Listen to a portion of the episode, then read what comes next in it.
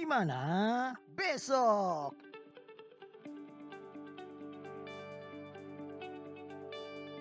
Assalamualaikum warahmatullahi wabarakatuh. Selamat pagi, siang, dan malam buat para sobat gimana besok.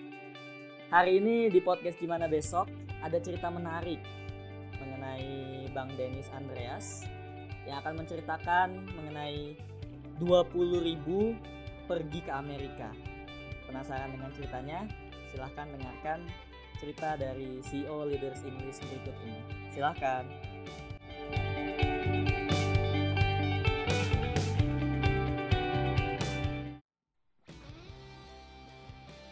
Assalamualaikum warahmatullahi wabarakatuh. Sobat gimana besok bersama saya Denis Andreas di podcast Gimana besok. Nah, saat ini saya mau perkenalkan diri dulu. Nama saya Denis Andreas. Saya saat ini alhamdulillah mempunyai lembaga bernama Leaders English. Salah satu lembaga yang bertujuan untuk meningkatkan kemampuan bahasa Inggris bagi calon-calon pemimpin. Nah, saat ini di podcast Gimana Besok, para sobat Gimana Besok, saya mau cerita tentang 20 ribu pergi ke Amerika. Gimana bisa? Nah, jadi sobat Gimana Besok, ini jujur adalah pengalaman saya pribadi. Saya ingin cerita pengalaman saya di tahun 2005 Nah, di tahun 2005 saat itu saya menginjak di uh, bangku sekolah kelas 1 di salah satu SMA di Bogor, yaitu SMA 1 Bogor. Saat itu saya tidak bisa berbahasa Inggris, sobat gimana besok. Jadi bahasa Inggris saya selalu di uh, katakan yang tidak baik oleh teman-teman saya. Contohnya, Dennis, pengucapan kamu salah. Denis, struktur katanya atau grammarnya salah. Udah Denis, jangan dengerin lagu sambil nyanyi lagu. Lagunya salah. Udah, diem aja. Di satu ketika saya tuh ingin membuktikan kepada teman-teman saya bahwa saya bisa berbahasa Inggris dan suatu saat nanti saya bisa membagikan kemampuan bahasa Inggris saya. Nah, alhamdulillah saat itu ada satu kesempatan di saat saya kelas 1 SMA yaitu adanya kunjungan dari Bina Antar Budaya atau yang lebih dikenal dengan nama AFS. Saat itu uh, ada kesempatan untuk pergi uh, mengikuti program pertukaran pelajar di mana salah satunya ada kesempatan untuk pergi ke Amerika satu sisi saya merasa ragu apakah saya bisa ya pergi ke Amerika. Sedangkan di satu sisi yang lain, saya ingin buktikan kepada teman-teman saya bahwa saya bisa pergi ke Amerika. Nah, kembali lagi sobat gimana besok, gimana ceritanya 20 ribu bisa pergi ke Amerika? Sebelum saya mendaftar ke uh, apa Eh, program pertukaran pelajar ini, saya konsultasi dengan orang tua saya. Kebetulan memang orang tua saya berpisah. Saya tinggal dengan ibu saya dan ayah saya tinggal di uh, keluarganya beliau. Nah, kemudian ibu saya mendukung saya untuk mengikuti program ini. Walhasil saya mengikuti program ini. Nah, di program ini ada tiga macam seleksi saat itu. Di seleksi awal, alhamdulillah saya lolos di seleksi 2 teman-teman. Hati saya sudah mulai gusar. Kenapa? Karena di saat itu muncul yang namanya uh, interview baik dalam hal bahasa Inggris maupun bahasa Indonesia. Bahasa Indonesia mungkin saya bisa menyampaikan dengan seperti biasa kita memang bisa mengucapkan bahasa Indonesia ya. Nah, tapi bahasa Inggris saya, saya dak dikduk. Bagaimana ini apakah saya lulus atau tidak? Nah, kemudian akhirnya saya tetaplah ikutan uh, seleksi yang kedua tersebut. Nah, saat itu saya berpikir dalam hati, apakah saya lulus ya dalam program ini? Saat itu belum ada internet. Kemudian saya menghubungi uh, panitia dan panitia mengatakan kepada saya, "Oh, maaf, Dek.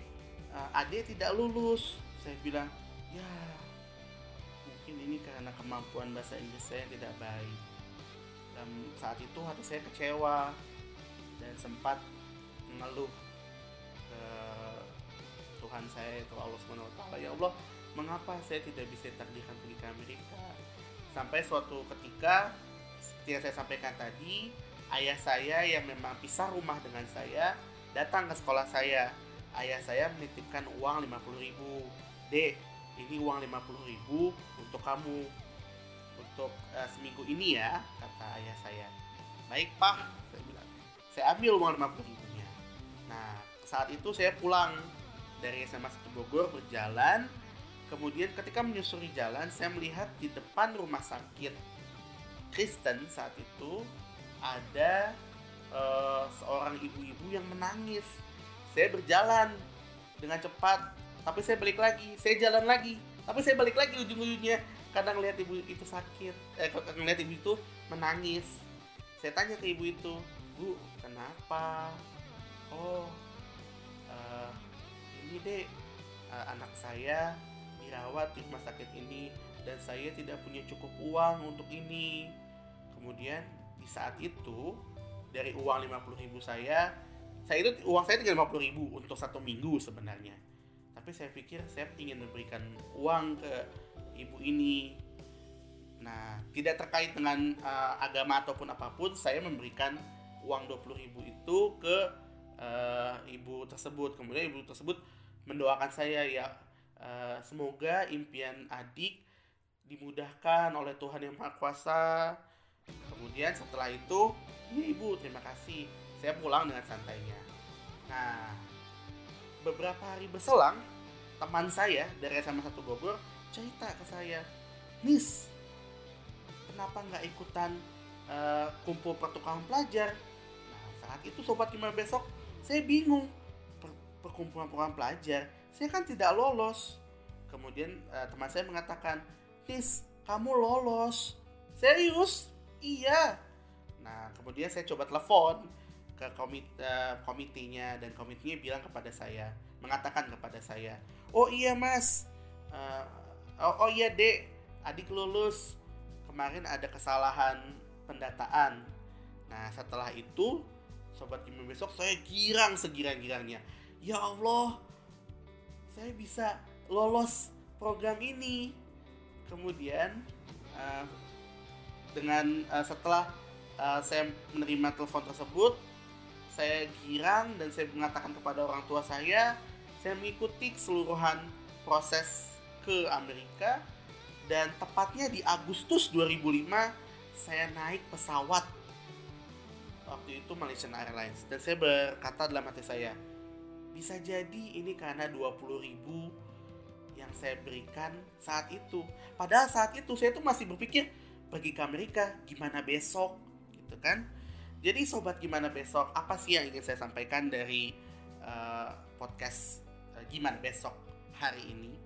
Saya ingin cerita bahwa ternyata bisa jadi apa yang kita berikan kepada orang lain dengan uh, tanpa kita mengharapkan sesuatu ternyata uh, Tuhan yang Maha Kuasa Allah Subhanahu wa taala itu memberikan ganjaran yang saat itu juga dan setelah saya naik pesawat, saya tinggal di Amerika selama satu tahun. Dan selama satu tahun itu, saya mulai belajar bagaimana pengucapan yang benar, bagaimana tata bahasa yang benar. Oleh karena itu, uh, sobat gimana besok saat ini, ketika saya menjadi uh, pimpinan di Leaders English, salah satu lembaga uh, salah satu lembaga bahasa Inggris untuk meningkatkan kemampuan bahasa Inggris para pemimpin, saya tahu bagaimana sih rasanya salah pengucapan bagaimana sih uh, salah merangkai kata sehingga struktur katanya berbeda. Jadi sobat gimana besok? Jangan pernah menyerah jika sobat gimana besok mempunyai mimpi. Dan sobat gimana besok pun jangan pernah menyepelekan apa yang kelakuan baik yang sobat gimana besok lakukan. Apalagi saat ini Ramadan sobat. Jadi bisa jadi dengan uang sedikit ataupun apa pun yang mungkin tidak kita anggap itu tidak terlalu berharga tapi Allah Subhanahu wa taala Tuhan yang Maha Kuasa memberikan kita balasan yang tidak disangka-sangka. Mungkin demikian sobat gimana besok uh, apa yang ingin saya sampaikan hari ini. Semoga apa yang saya sampaikan ini bisa bermanfaat bagi sobat semua. Entah itu besok, entah itu lusa, entah itu di masa depan. Uh, demikian yang ingin saya sampaikan. Terima kasih atas mendengarnya hari ini.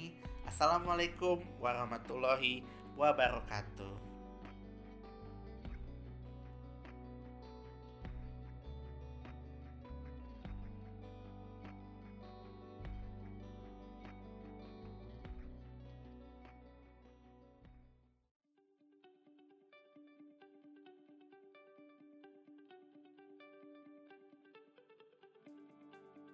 Kamu baru aja dengerin podcast Gimana Besok. Semoga manfaat buat kalian ya sobat. Jangan lupa follow kami di podcast Gimana Besok. Nantikan lagi episode-episode berikutnya. See you sobat.